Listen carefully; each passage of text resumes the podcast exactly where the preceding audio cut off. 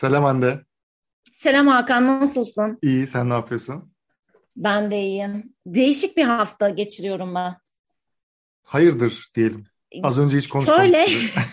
aynen aynen. Ya şöyle ki aslında bu kısmını konuşmadık. Her ne kadar astrolojiye böyle gönülden bağlı bir insan olmasam da geçen hafta herkes paylaştı. Belki sen de görmüşsündür işte. Merkür Retrosu sona erdi. Haydi bakalım zil takıp oynayalım diye. Dedim Ya gördüm, bak gördüm ve o gün gerçekten benim böyle tuhaf çalışan bir şeyim düzeldi. Sonra dedim ki acaba yani acaba değil ya dedim kendi kendine şey yapıyorsun falan. Hani inanmak What her şeye inanıyorsun ya. What if it is true diye. Ha, Sonra true şöyle bir şey oldu. Pazartesi günü eee, çok kaotik bir gün geçirdim ve böyle şey yani hani ha, ters giden işler de var. Ben de ben gibi değilim. Tam Hmm. benim işte hep söylediğim şey var. Yıkılmadım ama ayakta da değilim diye. O gün çok öyle bir gündü. Sonra bir baktım bilmem ne dolunayı başlamış. İşte bilmem ne oluyormuş da öyle oluyormuş da. Yani e ne olacak? Yani biz sadece ayın belli günlerinde mi huzura erebileceğiz? Bir de Bir yani de- bu dolunaylar molunaylar şey gibi de değil. Ta Ekim'de bitiyormuş bu. Bir de şey vardı bu ara. Salgın var salgın falan öyle şeyler de vardı. Ne Bir- salgını var gene. Bir virüsümsü Ha böyle virüs geziyor. Evet evet Hı. ondan herkes bahsediyor. falan. E, hatta bundan ne zaman işte bir iki hafta önce falan bende de böyle bir tuhaf şeyler oldu. İşte yani bilmiyorum belki çok fazla evde kaldığımız için kreş çocuğu gibi olduk. Kreşe giden ilk sene okula giden çocuk. çocuklara hep her hafta hastalanırlar falan filan. Büyük ihtimal şu an fanus çocuk sendromuyuz. Yani evde çok beslendik, dışarıda beslenmedik. Ee, işte vücudumuz normalde belki tolere edebileceği bir sürü normal virüs diyeyim yani kötü virüs anlamında değil ama daha işte nezle, grip falan neyse. Bunlara karşı büyük ihtimal bağışıklığın çünkü maske takıyorduk. Hmm. E, şu an ben hala gerçi böyle bilmediğim yere ve çok kalabalık yerlere binerken takıyorum hala maske ama tabii ben de çıkardım yani doğal olarak. Ben İşte yanımda burada- taşımıyorum hala. Yani yan, ama sadece yanımda ben de taşıyorum gibi oldu. Çantada Ama sadece öyle gibi oldu. Dün metroya bindim mesela. E, metroda tabii ki taktım. Ama baktığım Evet, zaman etrafa yüzde on filan takıyordu maske. Bu tabii artık yok. Artık yok. Okey. Çit çeti Çitimizi bitirebiliriz evet artık. Evet. Herkes kendine dikkat etsin. Bağışıklığımız düşük. şey, öneri vereyim mi? Burada öyle bir söyledin ki akıllı olun. Ihlamurunuzu eksik etmeyin falan diye. Ihlamur mu? Yaz artık. Ya yaz millet yaz havasına Soğuk geçsin ıhlamur. artık. Soğuk ıhlamur evet. Ice latte. Evet bugün konuşacağımız konu listemizde olan bir sürede konuşmak istediğimiz ama ne zaman konuşacağımızı bilemediğimiz bir konu aslında. Ee, jonglörlük ekonomisi mi diyelim, polywork mi diyelim, işte slash generation mı diyelim. Bir sürü böyle Hadi cool diyelim, cool adları var. diyebiliriz. Ben hiçbirini sevmiyorum açık söyleyeyim. Aa, senin Laf olarak- bu bak en sevdiğim şeyler.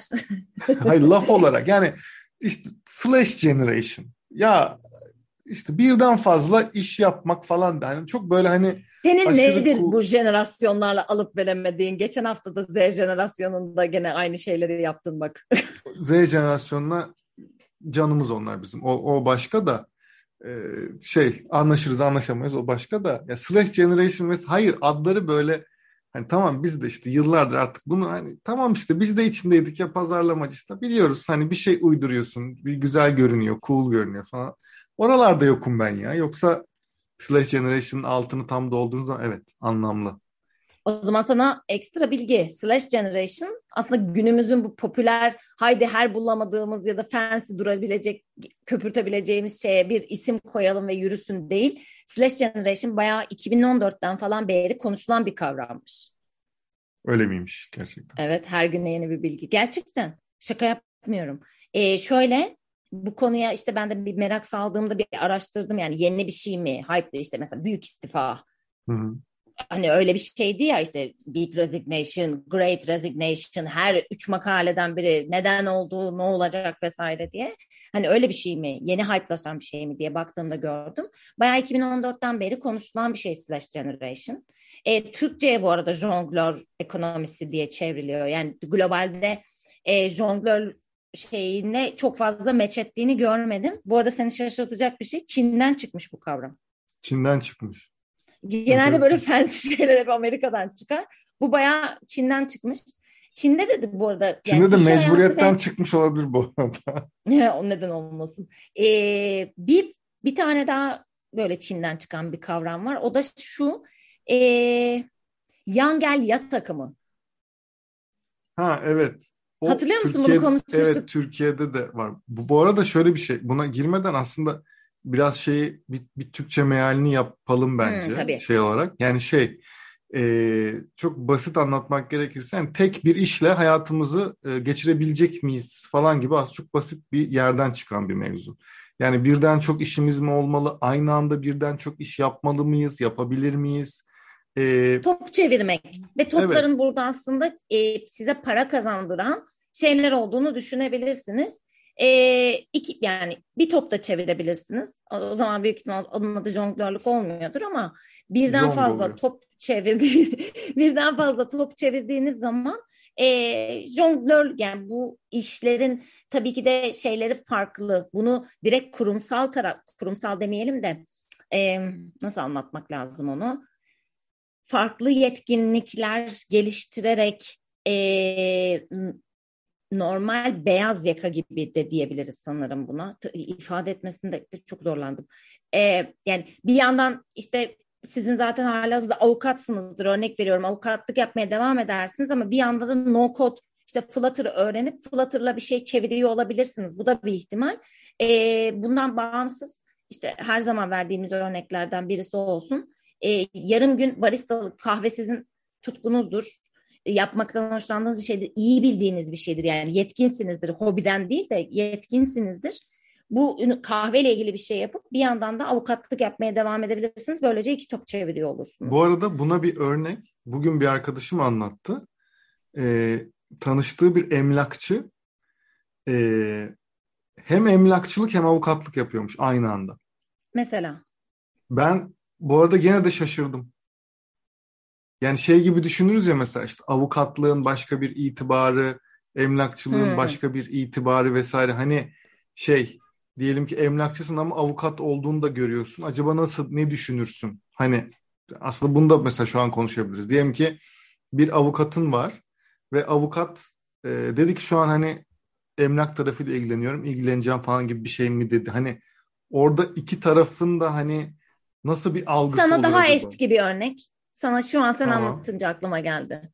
Ferhat Göçer. Hem doktor hem Ama doktorluğunu Türkiye'de... yapmış mı şimdi o? O anda. Tabii doktorluğunu yap hal yani bayağı bir yapmış. Hatta Yapıp sonra buraya oldu, mı geçmiş? İlk, ilk zamanlar e, double yürütüyordu diye hatırlıyorum. Hmm. Daha zor bir örnek yani bir doktor ve hmm. müzik. Hani birisi ya, evet. çok eğlenceli vesaire görülen bir işken bir tarafta da yani hekime kendini emanet ediyorsun. Peki Hande Hanım, Hande Hanım. Buyurun. Bunlar ekstrem örnekler mi acaba? Hayır, Yoksa e, ee, günün sonunda böyle olan kaç kişi var ki Türkiye'de, dünyada vesaire demezler mi? De, şöyle ki günümüz dünyasının bu sadece ekonomik açıdan kastetmiyorum. Ee, ben yine birazcık bunun bu kadar e, şey olmasını, gündeme gelmesinin nedenlerinden birinin günümüzün e, dünyasını getirdiği nasıl diyeyim ihtiyaçlar olduğunu düşünüyorum aslında. Bu ne demek? E, şöyle ki bazı meslekler gün geçtikçe eskiden böyle zanaat gibi şeyler için bunlar konuşulurdu. Yani işte bilmem ne oldu işte cam fabrikaları kuruldu işte bilmem ne sanatı unutulmaya yüz tuttu gibi şeyler duyardık. Fakat günümüzde şöyle bir şey var. E, üniversitelerdeki bölümler bakıyoruz ve gerçek aslında iş dünyası diyebileceğimiz bu illa kurumsal bir yer anlamında demiyorum iş anlamında diyorum gerçekten yani ekmek parası kazanabileceğin e, şeyler üzerindeki ihtiyaçlarla üniversiteden aldığın eğitim ve mezun olduğun şeyler birbirlerini tutmuyor. Örnek veriyorum. E, işte üniversitede büyük ihtimal hala işte bir yazılım mühendisi aslında daha çok işte belki desktop üzerinde bir şeyler öğrenirken işte Python öğreniyorlar. Ondan sonra işte JavaScript öğreniyorlar, SQL öğreniyorlar. E, bu kötü bir şey diye demiyorum ama günümüzde artık gerçekten çok ciddi bir işte mobile ya da Web 3.0 artık konuşuyoruz. Web 3.0 tarafında e, yazılım yetkinliklerine e, sahip insanlar aranıyor. Ya da en basitinden işte işletmenin içerisinde en çok pazarlamaya dair belki de şeyler var. Genel bölümlere baktığımız zaman her okulun spesifikleşmiş yeni medya vesaire gibi bölümleri olmayabilir. Ki yeni medyada da zaten pazarlamaya dair az şey var. Yeni medyada, yeni düzende daha çok aslında gazetecilik ya da içerik üretmek anlamında bir şeyler var. E, o yüzden ama günümüz hayatında baktığımız zaman her zaman söylediğimiz şey herkesin aradığı şey şu an ama sosyal medyamı kim yönetecek? Sosyal medya yöneticisi arıyoruz, içerik üreticisi arıyoruz, metin yazarı arıyoruz. E, bunlar konuşuluyor. İhtiyaçlar bunlar ve bunlarla yeni mezunlar bunlarla örtüşmüyor bu ihtiyaçlarla. E, yeni mezun insana da biliyoruz ki Türkiye'de en az iki yıl tecrübeli yani yeni mezun ama en az iki yıl tecrübeli gibi şeyler var. İnsanlar deneyim edinmeye çalışıyor. Hepimiz için en kıymetli şey zaman. E, işveren de haklı yani haklı olarak diyeceğim bir noktada. Çünkü gerçekten hepimiz zamana karşı çok ciddi bir mücadele veriyoruz. Ve orada da şöyle bir şey var. E, o da bir an önce işi yapacak insan yani alalım da eğitelim de gibi değil. Yani sanki üniversitede bu çocuklar bunları öğrenmişler. Hadi hemen gelsinler başlasınlar gibi bir e, şey var. Eskiden oryantasyon dediğimiz sürecin eskiden bir ay süren o oryantasyon bugün büyük ihtimal bir gün falan sürüyor herhalde kurumsal yapılarda. E şimdi böyle bir dünyadan bahsediyoruz ve bundan sonrasında sanki bu hep değişecek. Ya eskiden belki bu böyle 20, 15, 30 yıllık süreçlerde böyle ihtiyaçlar değişirken şimdi daha çok işte bana sorarsan 5 yıl belki bundan sonraki süreçlerde daha kısa aralıklarla bazı şeyler değişiyor olacak. Ya da işte yine mesela doktor hani örneği verdik. Telemedicine. Yani her doktor mesela telemedicine'a adapte olabilecek mi? Teleme yani şey e, uzaktan sağlık hizmeti almak diye açıklayabilirim herhalde telemedicine'ı. Pandemi bunun bir örneğiydi ama bu bir zorunluluk olduğu için örneğiydi. Bir tercih sebebi olduğu için değil. Gerçekten tercih edilebilir olduğunda ne olacak ne bitecek bunu da bilmiyoruz. Birçok e, bazı alanlarda çalışan insanların dijital okur yazarlık diyeceğim buna. E, dijital okur yazarlığının çok düşük olduğunu hepimiz biliyoruz. En basit kendi ebeveynlerimizden biliyoruz. Şunu bir yapsana diye herkesin önüne tamam. eminim ki telefon geliyordur.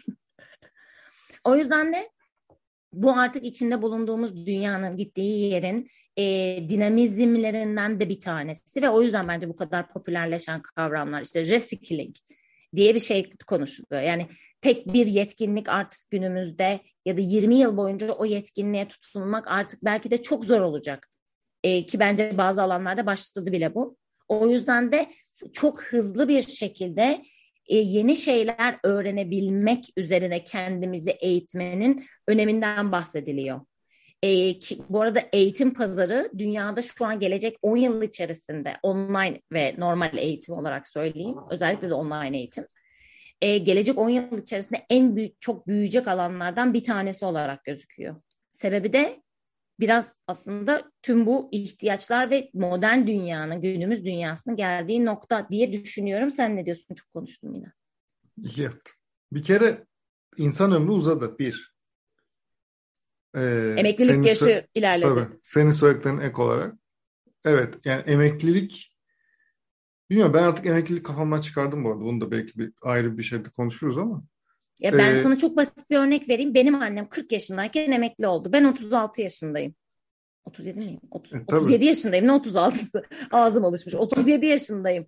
Yani o senaryoya baktığımız zaman 3 sene sonra benim emekli olmam gerekiyor. Yani. Şaka gibi. Ne yapacağım? şey bu arada yani tabii o da ekstremmiş bu arada. O da ayrı bir şey. Oradan şimdi ben ekonomik taraflara girmek istiyorum. O yüzden hadi. Gel. Hadi hadi gel. Hayır hayır. Orada o yüzden şey e, şu an hani bir kere yine ekonomiye gireceğiz tabii mecburen şimdi şu an artık. İnsan yaşı uzadığı için şimdi bu emeklilikle alakalı bir dert de var bu arada. Emeklilik denen şey normalde 80, 90, 100 yaşına kadar belki yaşayan insanları kaldırabilecek bir sistem çoğu yerde, çoğu ülkede bunun struggle'ı, bunun derdi yaşanıyor şu an. Ee, Türkiye'de daha fazla yaşayacağız ileriki dönemde. Şu an hala zaten emeklilikte yaşa takılanlar diye zaten bir mevzu var vesaire dönüyor. Şimdi bu e, insan hayatının, yaşamın uzaması ve emeklilik denen şeyin de çok ileri tarihlere e, gitmek zorunda kalması, daha doğrusu gidememesi diyelim. Yani şöyle 60 yaşında emekli olan biri 90 yaşına kadar yaşadığı zaman o aradaki 30 yılın farkını diğer bütün çalışanlar ödüyor ya aslında. Emeklilik dediğimiz şey bu ya şu anki sosyal toplumda. E, buradaki şey e, yapı bunu kaldırmıyor. Yani Birçok ülkede bunu kaldırmıyor. Dolayısıyla o aradaki e, 30 yılda bu insanların bir şey yapması gerekiyor veya emeklilik yaşın ileri gitmesi gerekiyor gibi bir genel tartışılan da dünyada bir mevzu var. Şimdi burada peki nasıl olacak? Normalde neydi? Ee, daha işte yaşam ömrü daha limitliyken diyelim bir insan sadece tek bir iş yaparak kendi hayatını ve işte ailesinin belki hayatını vesaire devam ettirebiliyordu ve bu ona yetebiliyordu.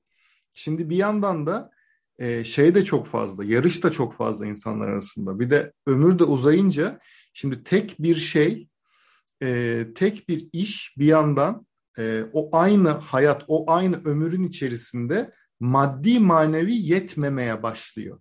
Hatta başladı. Bence maneviyat da önemli şeyler. De, tabii ki de Türkiye konjektüründe konuştuğumuz zaman maddiyat en baskın neden gibi çıksa da geleceğiz o noktaya.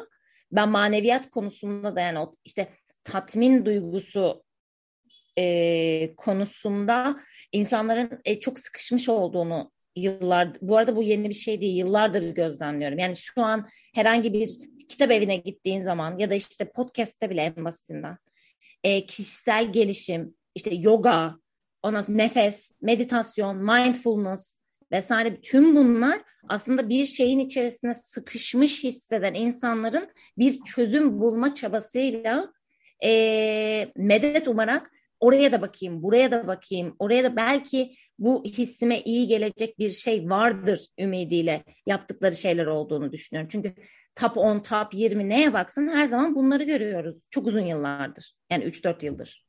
Ya öyle tabii.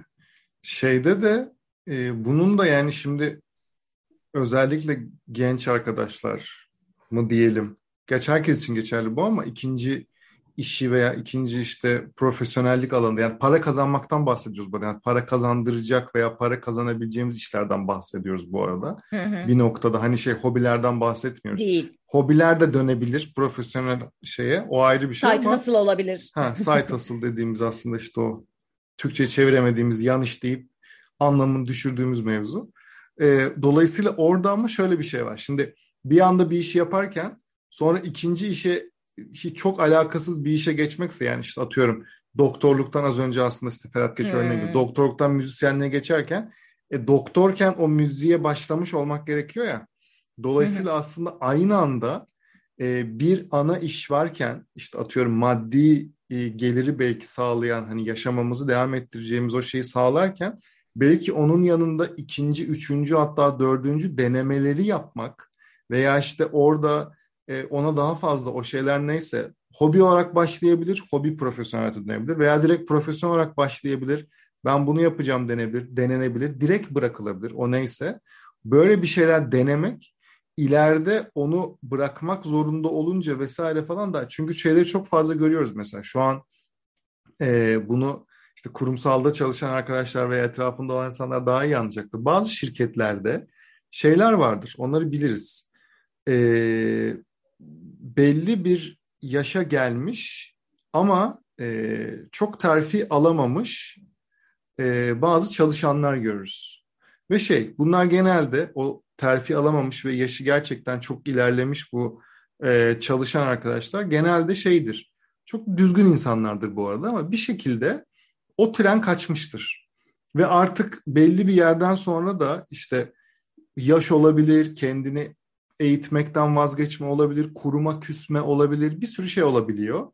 Veya işte konfor alanı olabilir, bir sürü farklı sebepten dolayı içsel veya dışsal. Hı hı. E, bu arkadaşlar mesela veya bu kişiler diyelim e, bir şekilde çok işte mesela yeni giren bir işte genç arkadaşla belki aynı kat, aynı e, seviyede ünvan olarak, hiyerarşik olarak olabiliyorlar. Ve dolayısıyla aslında bu onlara öyle bir şey sağlıyor. Şimdi bu ve bu kişiler işte bir şekilde ayrıldıkları zaman veya işte işten işte ayrılmak zorunda kaldıkları zaman o her neyse nasıl bir şey sonrasında çok büyük bir boşluğa düşebiliyorlar. Hmm.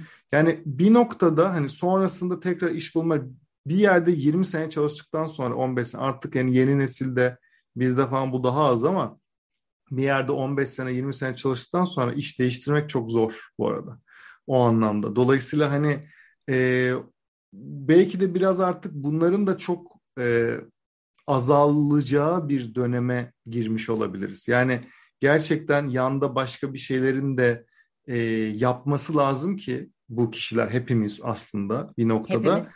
E, tabii tabii bizim için de geçerli. Yani hani bir yaptığımız iş sonsuza kadar devam edecek vesaire diye bir şey yok. Yani işte biz de mesela kendi kişisel hayatlarımızda da yani işte kurumsal tarafta çalıştık. Kendi işimizi yapıyoruz şimdi. Bir yandan yan tarafta podcast var. Başka bir şeylerle uğraşıyoruz. Tabii. Sürekli aslında ahtapot gibi bir şeyler Yeni yapıyoruz. bir şey öğrenmeye çalışıyoruz. Çalışıyoruz ki ileride işimize yarasın. Yani günün sonu tabii ki en altta bir aç kalmama, o altta bir şey var ama yani onun üzerinde tabii ki manevi tatmin var, bir şekilde öğrenme içgüdüsü var vesaire. Çünkü bu döneme ayak uydurmak o anlamda çok da kolay değil ama yani mesela sence Z jenerasyonu vesaire falan hani çok konuşuyoruz gerçi Z jenerasyonu diye veya alfa jenerasyonu sence bu konuda daha mı yatkınlar?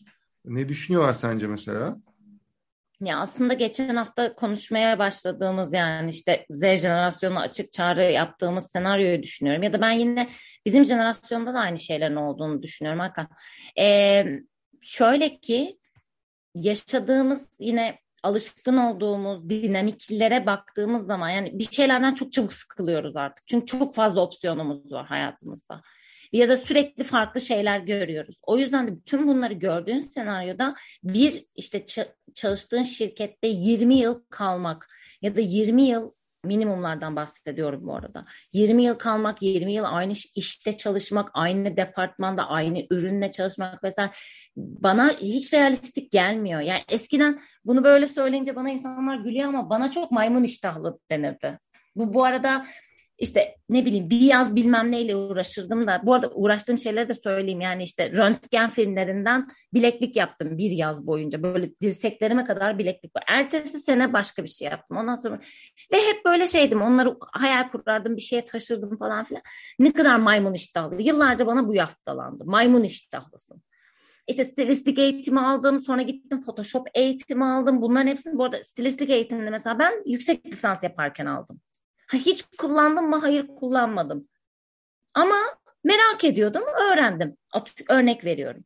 E şimdi bunlar maymun iştahlı denilen şeyin aslında benim şu günkü hayatıma çok büyük katkıları var. Çünkü işte ne de çok yönlülük kavramı. Mesela örnek veriyorum. Yine bu ara çok konuşulan kavramlardan birisi. Şimdi böyle söyleyince çok küstahmış gibi geliyor ama doğrusu bu. Ben biraz İsveç çakısı gibi yaşıyorum.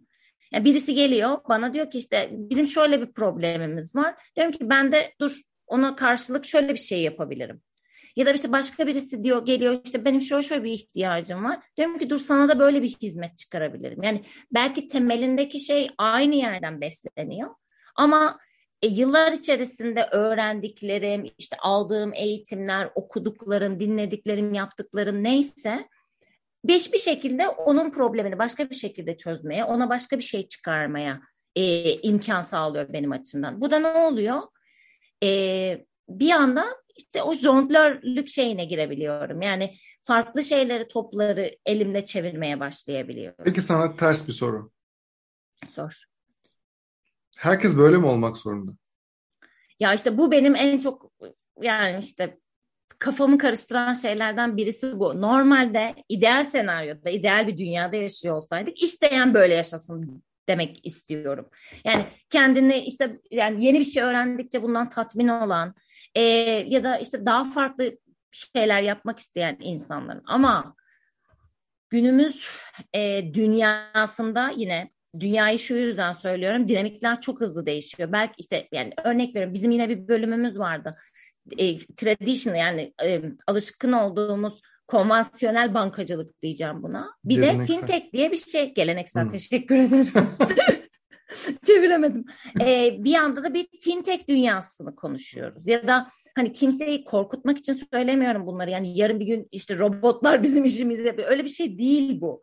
Ama bir orada başka bir dönüşüm var ve oranın büyüme ihtimali çok daha yüksek. Ya da işte e, yakın zamanda her ne kadar olacağını düşünmesem de sosyal medya ve dijital pazarlama alanında çalışan insanlar Web 2.0 diyelim buna. E şimdi bir Web 3.0 konuşuluyor ve ben oraya aman ben işte Metaverse'den korkuyorum, NFT'yi anlamıyorum, işte blok zincir ne, aman ya anlamıyorum ve benden uzak kalsın, ben bunu yapıyorum demek bana çok doğru gelmiyor. Çünkü bir şey geliyor yani bir şey değişiyor belli ki. Bu şu an hani böyle aklımıza gelen hızlıca gelen sektör, şeyler konu başlıkları ya da perakende ve e-ticaret. Yani sadece ben işte 20 yaş 23 yaşındaysam perakende alanında çalışmaya başladıysam 63 yaşına kadar perakende alanında aynı şeyi yapıyor olmak çok bana realistik gelmiyor günümüz koşullarında. Bu dediğim gibi dünya tarafı. İkincisi Türkiye'de yaşıyorsak e, alım gücünün gittikçe düştüğü e, bir dünyada maalesef ki yaşıyoruz. O yüzden maalesef ki ve o yüzden herkes böyle olmalı mı? Herkes şu an daha fazla para kazanmak istiyor. E, daha fazla para kazanmanın yolu da işte ya kendi işini yapmak ya yurt dışına iş yapmak ya da e, birden fazla iş yapmak üzerine inşa edilmek durumunda kalıyor. Yani bütün sistemin bir anda köklü bir şekilde değişmeyeceğini düşünürsek. Geçen haftalarda bir sürü şirket açıklama yaptı. İşte enflasyonu iyileştirme zammı e, yaptıklarını çalışanlarına. E, onlar açıkladıkça daha fazla şirket bu arada e, yapmaya başladı. Bence bir yandan da iyi oldu e, bunları paylaşmalar. Eskiden ben böyle şeyleri çok sevmiyordum ama şimdi görüyorum ki aslında birçok yeri etkiliyor. E, o yüzden de e, insanlara fayda sağladığı için artık mesela negatif bakmıyorum o şeylere hiçbir şekilde. Yani öncü oluyorlar bir anlamda. Sen ne diyorsun? Ben şöyle bakıyorum buna. Ee, siyasi anketlerde şöyle bir şey var ya kararsızlar diye bir yüzde var ya hmm. mesela. Şimdi hmm. bir işte bir oyu neredeyse hiç değişmeyenler var. İşte hem şu anki konjonktürde atıyorum AK Parti tarafında hem CHP tarafında vesaire mesela işte o taraflarda işte MHP'de. Podcast'ı Rütük dinlemiyordu değil mi? Konuşuyoruz. Yo söylediklerimde bir şey yok ki. Partilerin adlarını söylüyorum. Ben biliyorsun Orada, siyasal her şeyden çok korkarım. öyle bir şey değil. Vereceğimiz örnek öyle bir şey. O yüzden e, mesela orada e, her partinin işte kemikleşmiş bir şey var aslında. Oyu var. Onlar ne olursa olsun değişmiyor. Ha, bütün taraflar için geçerli Hı-hı, bu arada. Aynen, Onlar aynen. mutlaka değişmiyor. Ama hep kararsızlar önemli oluyor ya bir noktada. Şimdi ben de bunu ona benzetiyorum. Ee, bizi dinleyenler arasında e, genelde çok sabit fikirli olmayan insanların olduğunu düşünüyorum. Yani buradaki aslında bence kararsız kitlesini ben çok severim hep. Şeydeki, ya da ben yine bize yazanlardan böldüm seni ama Hı. bize yazanlardan anladığım kadarıyla e, sabit fikirli olduğu için kendine kızanlar da var. Ha işte onlar da ama isteyip nasıl yapacağını ya da e, yapamayacağı korkusuyla değişime biraz ayak direyenler var. İşte onlar tam olarak aslında bu, bu kitlenin etrafında dolanıyor aslında. Yani şey çünkü e, bir şey yapıyor çoğu bizi dinleyen arkadaşlar. Şu an bir e, rotaları var ama o yolda senin dediğin gibi böyle bir şey değiştirmek istiyor. Tam yani içinde biliyor onu değiştirmek istediğini. Çünkü zaten içinde değiştirmek istemiyorsa istediğini söyle. Hiç yani bizi de dinlemez bu arada. Bir anlamı da olmaz vesaire. Ama zaten dinliyor. Hani içeride bir şey değiştirmek istiyor ama nasıl yapacağını bilmiyor. İşte e, birilerinin onu cesaretlendirmesi gerekiyor. Yol göstermesi gerekiyor. Bir şey için ilham alması gerekiyor vesaire. Veya canı istemiyor o an. Bir şey.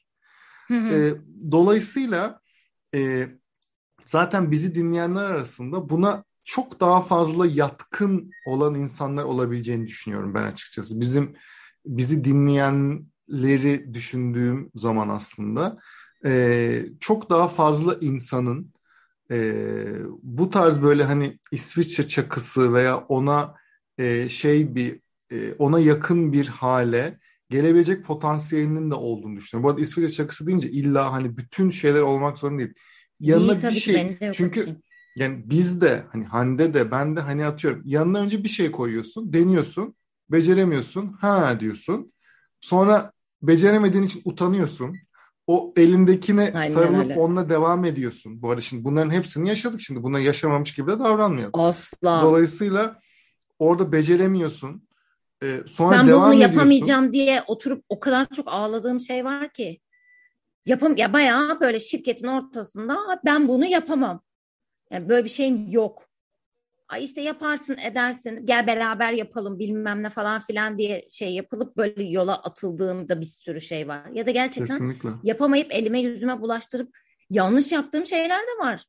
Yani burada hani bunu söylerken sadece o jon yani top çevirme muhabbetine alışkın olduğumu söylemek istedim ben sadece. Evet o da yani bazen kafamıza vurula vurula mecbur kalıp da öğrendiğimiz taraflar da var. Dolayısıyla orada hani hep şeydir ya başarılı insanlar hep böyle işte başarılarını anlatırlar ve nasıl ya şey. Yok. Yo onun kafalarına vurula vurula hani bir Benim noktada... o kadar çok ya burayı Fuck Up Nights'a çevirmeyeyim şimdi ama ya Hakan birazını biliyor. Ee, belki bir gün Hande'nin Fuck Up hikayelerini konuşuruz ama. Bundan da bir bölüm olabilir bu arada. Nerelerde batırdık aslında şey Oo. olarak yani ne, ne hangi büyük hatalarımız var vesaire.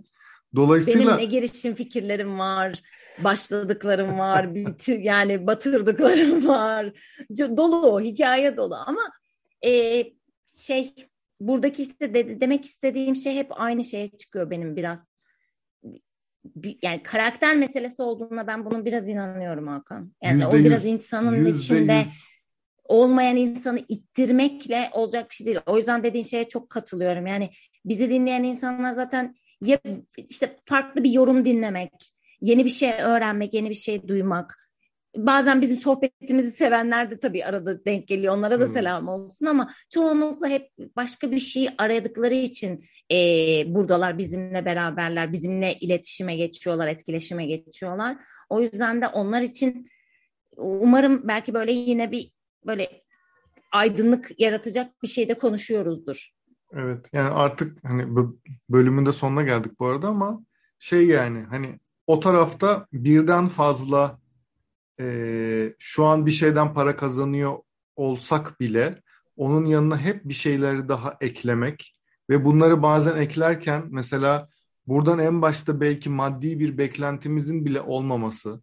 Çünkü hani e, hemen bir şey için para kazanmak da mümkün olabilir. Yani gerçekten hobi demeyeyim ama içinde yine insan içine dönmek falan filan bir sürü başka yere gidiyor tabii bu ama yani insanın içine döndükten sonra belki de anladığı bazı şeyleri yan iş olarak yapabilmesi, sonra bunun kendi işine dönmesi vesaire bir sürü taraf da var ama senin dediğin gibi aslında Hande özellikle Türkiye'deki koşulları düşündüğümüz zaman e, buna en başta belki de maddi olarak ihtiyacımız var ama şu anki konjöktür eğer maddi olarak böyle bir e, derdimiz olmasaydı da bunu manevi olarak belki de yapmak hmm. zorunda olduğumuzu konuşacaktık. Dolayısıyla bu bir noktada eğer yapabiliyorsak birden fazla iş, işte altın bilezikse eğer bu birden fazla altın bileziğin aslında e, bileğimizde, kolumuzda olması deyip kapanışı sana veriyorum.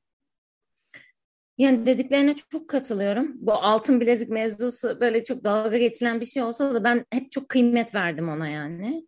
Ee, ya en son mesela taktığın hani mesleğimle ilgili olanları saymayacağım burada ama ben bunu bilezik takmak için de yapmadım. Gittim mesela yoga hocası oldum. Benim 200 saat tamamladığım yoga eğitimim var. Hiç ders vermedim mesela. Hiçbir zaman da bu şey olmadı e, dediğim gibi bilezik olsun yarın bir gün ben de işte yoga dersi veririm vesaire motivasyonuyla yapmadım. Ben tamamıyla öğrenmek, kendim öğrenmek, kendim için öğrenmek amacıyla yaptım. Ama baktığın zaman bu bir altın bilezik midir? Evet altın bileziktir ve ben yarın e, birazcık daha işte pratiğimi yapıp ek bir gelir, manevi tatmin e, vesaire bütün bunlar için o sıkışmışlıktan kurtulmak, daha farklı yeni insanlarla tanışmak belki için yoga dersi de vermeye başlayabilirim. Ve bir anda bana açtığı bir sürü kapıyı sıralıyorum. Bir. İkincisi e, bugün bizim eski bölümleri dinlemiş bir arkadaşla birlikte onunla konuştum. Ve şey kendisi işte yeni mezun, daha yeni mezun oluyor yani bu dönem mezun oluyor ve e, diyor ki en büyük korkum sabah sekiz buçukta işte bir yere girip akşam beş buçukta çıkmak. Ben kendimi asla böyle hayal edemiyorum. Ama ne yapacağım? Şimdi böyle insanlar için e, baktığında yapab ki işte şu an part time bir kafede çalışıyor. E, aynı zamanda işte farklı yetkinlikler öğrenmeye çalışıyor. Ama tabii ki de kendini güvensiz hissediyor vesaire gibi bir sürü bir sürü şey var. Ama bu işte bir bakış açısı, bu bir mindset. E, oturtmak kolay, zor, tartışılır. Zaman dediğim gibi herkesin en büyük e, şeylerinden birisi, bariyerlerinden birisi işte vakit bulamamak ama bunların hepsi işte gerçekten kendine yatırım yapmak dediğin şey varsa bunlar da kendine yatırım yapmak. İşte kitap çevirme, İngilizcen iyidir, kitap çevirmenliği yapabilirsin. Bu illa tabii ki de bizim konuştuğumuz yani şey Ferhat Göçer örneği çok ekstrem bir örnek hani onu burada Sen Ferhat şey Göçer olsun. nereden geldi aklıma? Ay bilmiyorum o geldi aklıma. Ondan sonra o, bu tabii ki de çok ekstrem bir örnek. Hani bu biraz absürt bir örnek olduğu için zaten söyledim ama işte dediğim gibi yani kitap çevirmenliği de bunlardan birisi. Ya da en basitinden bir sürü insan var bizim de bildiğimiz işte içerik üretmeye başlayan aynı zamanda. Ee, bu şu an işte günümüz konjektürünün getirdiği ve yani para da kazandıran, insanlara aynı zamanda manevi de bir tatmin veren, belki işte normal sabit bir işi varken ekstra yapabileceği bir şey de, bunu farklı boyutlara taşımak, farklı formatlara taşımak gibi gibi çok çeşitlendirilir. Belki bir bölüm daha yaparız Hakan bilmiyorum ama ee, maalesef ki demeyeceğim. E, olumsuz bir yerinden yaklaşmayacağım. Çünkü insana iyi de gelen bir tarafı var. O yüzden çok yönlülük, ve işte bir şeyleri yeniden sıfırdan öğrenme yetkinliği aslında bunun adı. Reskilling dediğimiz şeyin adı bu. Yani Türkçe'ye böyle çeviriyoruz. Yeniden ee, beceri edinmek. Aynen öyle. Yeniden şey. beceri edinmek. Ee, ki bunu mesela aslında eskiden ev hanımları çok yapardı. İşte yeni bir işte ne bileyim onların arasında işte dantel örerdi de bilmem ne yapardı. Yeni bir beceri aslında hmm. oldu. Bir el becerisi edinmek. Hmm. İşte gün oldu devran döndü. Aynen öyle. O zaman bir sonraki bölümde görüşürüz. Bir sonraki bölümde görüşmek üzere. İyi bakın kendinize.